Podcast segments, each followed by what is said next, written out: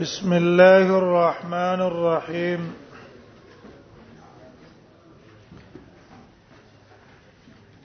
وبه قال حدثنا بشر بن الحكم العبدي قال سمعت سفيان يقول أخب أخبروني عن أبي أخبروني عن أبي عقيل صاحب بهية سفیان وای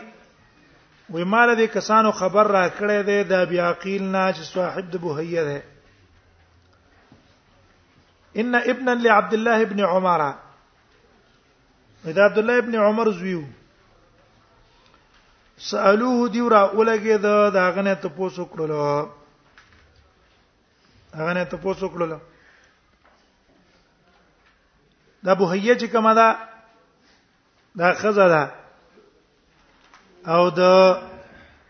عائشه رضی الله عنها د دې نه روایتونه نقل کړي دي دا غنه روایتونه نقل کړي نزدکه دې ته صاحب بوهیه وای وای ابي عقيل چې صاحب بوهیه ده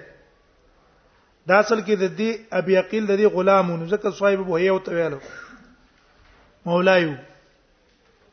وان ابن لعبد الله ابن عمر ویوزیو د عبد الله ابن عمر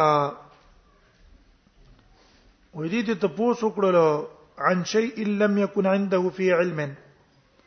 په بار د یو شي کې چې د سره د هغه په بار کې څه علم نه و د بوسه ته وکړلو فقال يحيى بن سعيد يحيى بن سعيد تيول والله اني لاعظم قسم په الله زه دا ډیر لوی غنم ان يكون مثلك یو تن دستا غوند کی اوچتی وانت ابن امام الهدى او تزوید دو امامانو د هدایت یعنی عمر او د ابن عمر ولید ابن عمر هم نو سه کیږي او د چا کیږي د عمر ابن خطاب هم نو سه کیږي تسأل عن امر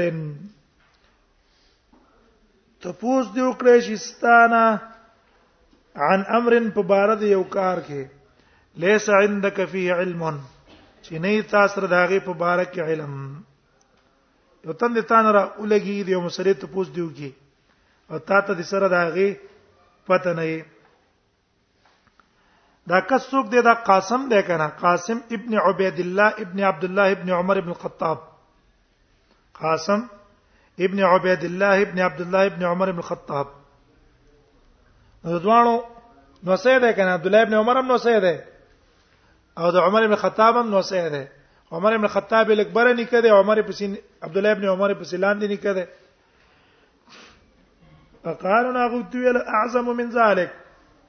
ډیر لویا خبره ده نه هغه دا ده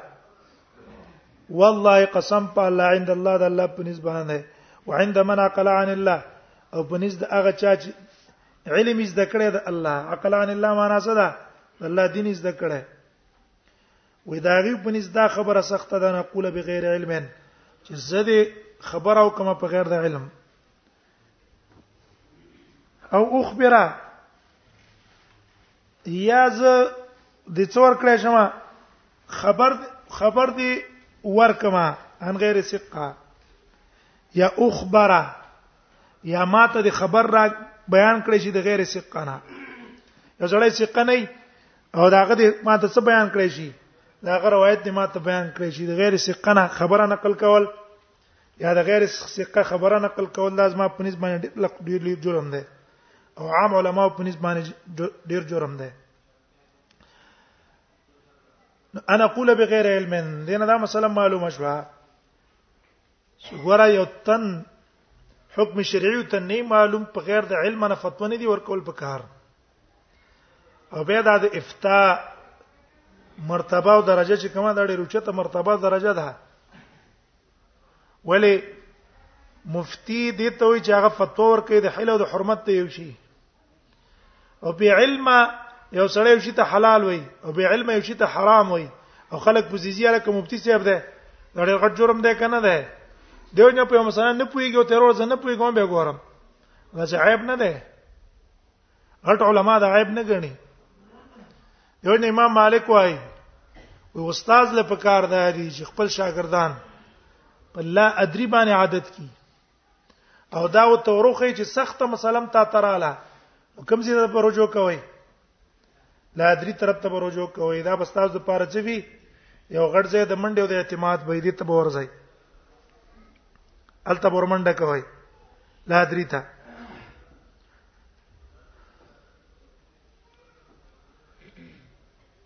انا قولا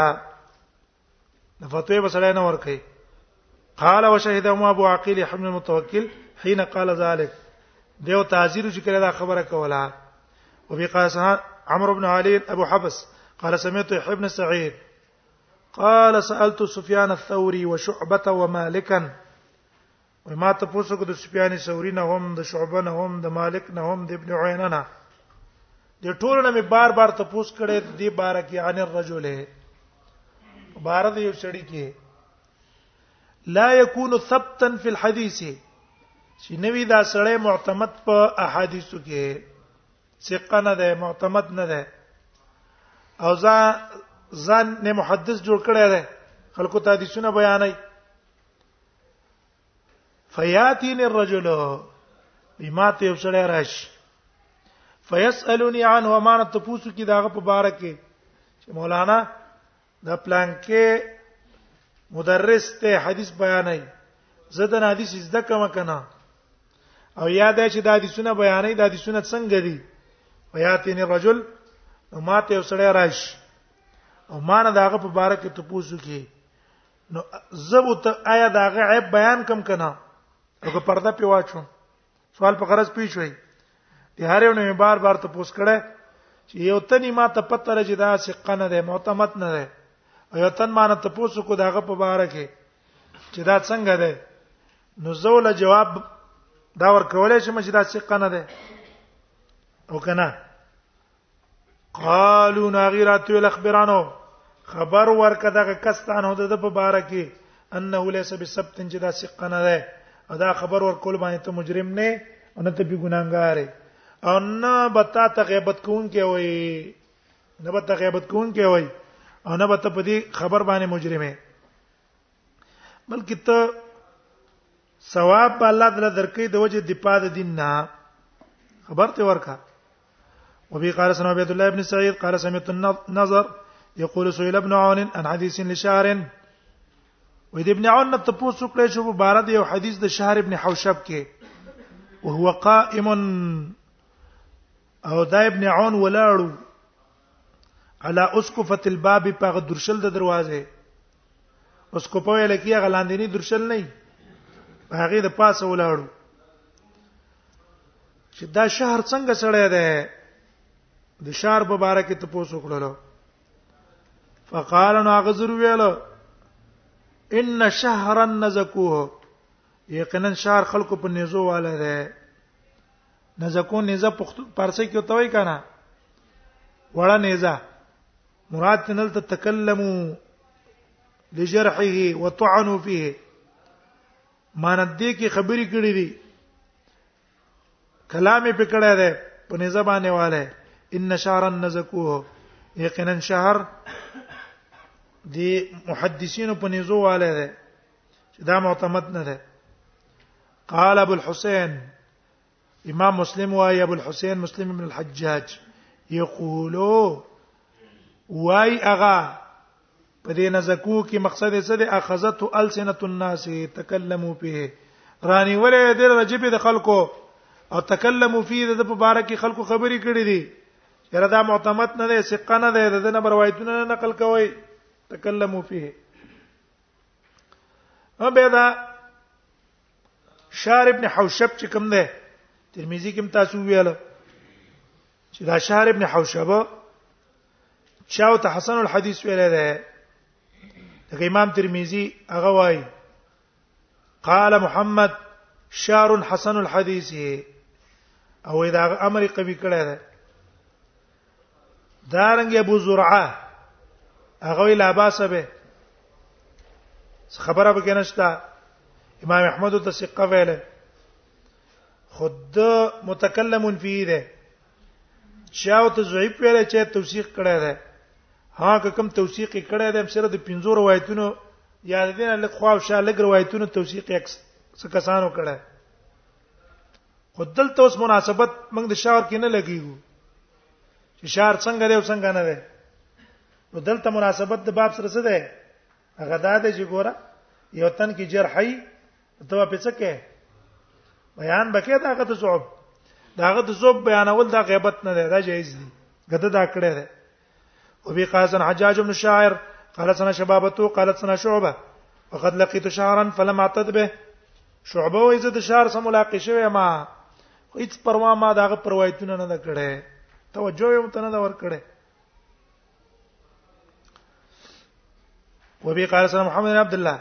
ابن قحزازة من أهل مروى قال أخبرني علي بن حسين بن واقد قال قال عبد الله بن المبارك عبد الله بن المبارك واي قلت لسفيان الثوري ما سفيان الثوري تويل إن عباد بن كثير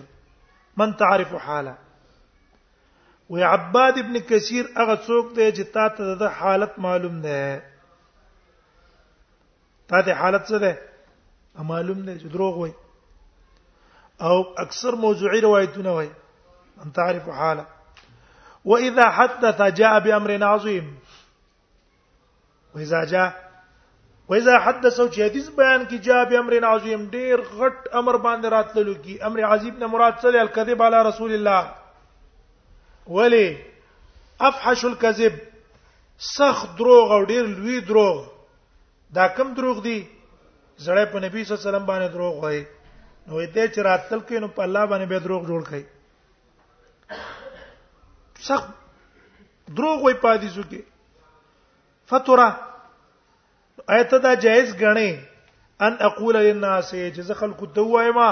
لا تاخذوا عنه يا خلقه د دې عباد ابن کثیر احادیث ما اخلي هم په عمل کوي ځان ته ساتي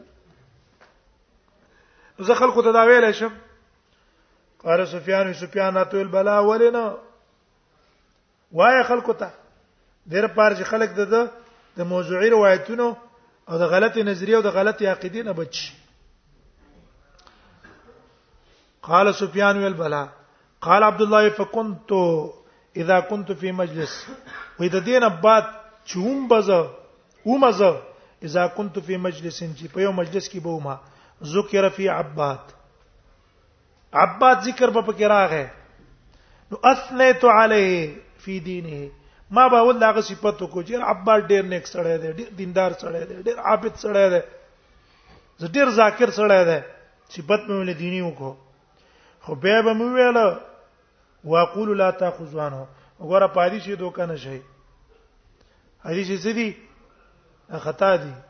عبادت په خپل ځای خو روایتونه ټول موضوعي او ضعیف دي ځکه عبادتونه لام کې څوک ورنوځي به موضوعي او ضعیف نه ګوري کنه فضایل لام کې جوړ نه وته کنه بس صرف دا سوچ بکې چې رز څو کما مجلس ګرم کما او خلک راغب کما اگر کوم موضوعي روایتونه نه لا تاخذ غره دا پته نه کوي اخلي به ته نه وبي قال سنا محمد قال سنا عبد الله ابن عثمان قال قال ابي قال عبد الله المبارك انتهيت الى شعبه زه شعبه ته ورالم فقال راتویل هاذا عباد ابن کثیر شعبه راتویل لکه دا عباد ابن کثیر دی ښا فاحذرو ګوره د روایت نه ځان ساتي ګوره کاری راتویل کنه تنقیدی پیو کو کنه دا غیبت نه ده که غیبت به زبې تسنه کوله ته نه به منه کوله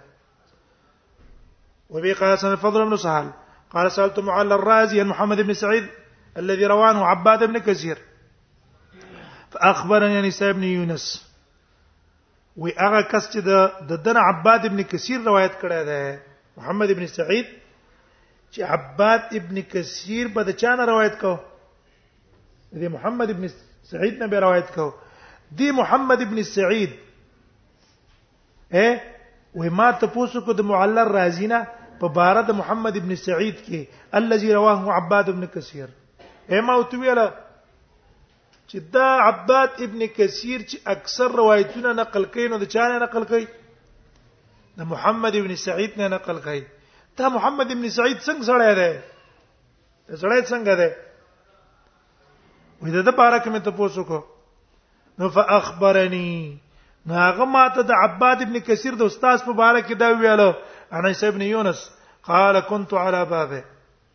وعزت د دې محمد ابن سعید په دروازه ناستو ما وسفیان عنده او سفیان مو صخوا کې ناستو چا سره د عباد ابن کثیر د استاد سره محمد ابن سعید ده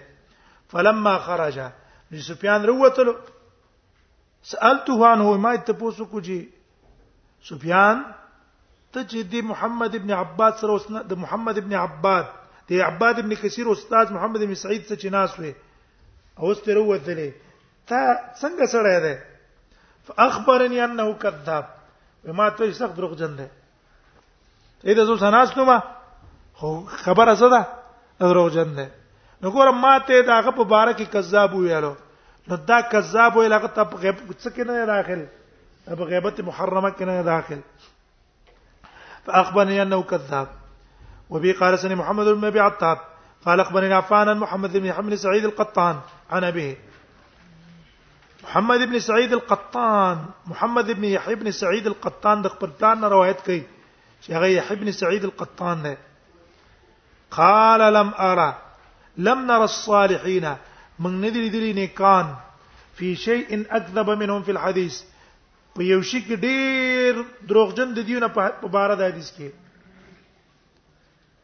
اے د نیکان چې څونه په حدیث کې دروغ وایي د بل شینو کې موږ څه نه دی دی دروغ وین کې نه دی ویلي د دې وجه دا ده چې سبب دا ده چې دې نه کانو ګمان دار چې موږ دروغ نه وایو بل بم دروغ نه وایي هیڅ څوک ته څه خبرو کی دی وای دا برشتي ای ولې حدیث کې دا راځي مؤمن سره چې ده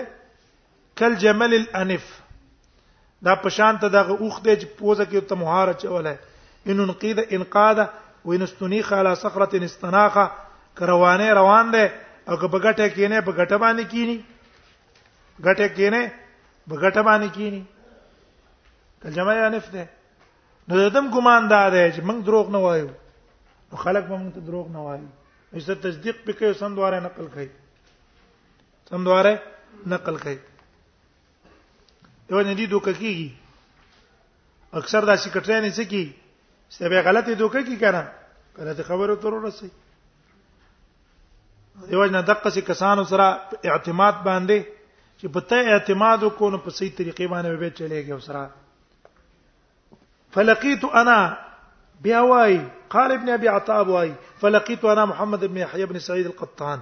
وای زه بیا د محمد بن سعيد القطان سره په خپل ملاقات شوم فسالت عنه بیت ما ته پوسو کو د حدیث په اړه کې چې ما ته د حدیث پلان کې بیان کړو ستانه ستا پلار د څه وای فقال انا به به د خپل پلان روایت نقل کو چې لم ترى اهل الخير في شيء تبنين د مؤمنان في شيء اكذب منهم په یو شي کې ډېر دروغجن دي نه په حدیث کې بیا راته ویل قال مسلم یقول د اوس وضاحت بیان یې چې دې مقصد دا نه دی چې ګینه دی په حدیثو کې دروغ وایي ولې چې په حدیثو کې دروغ ویل به نه کیږي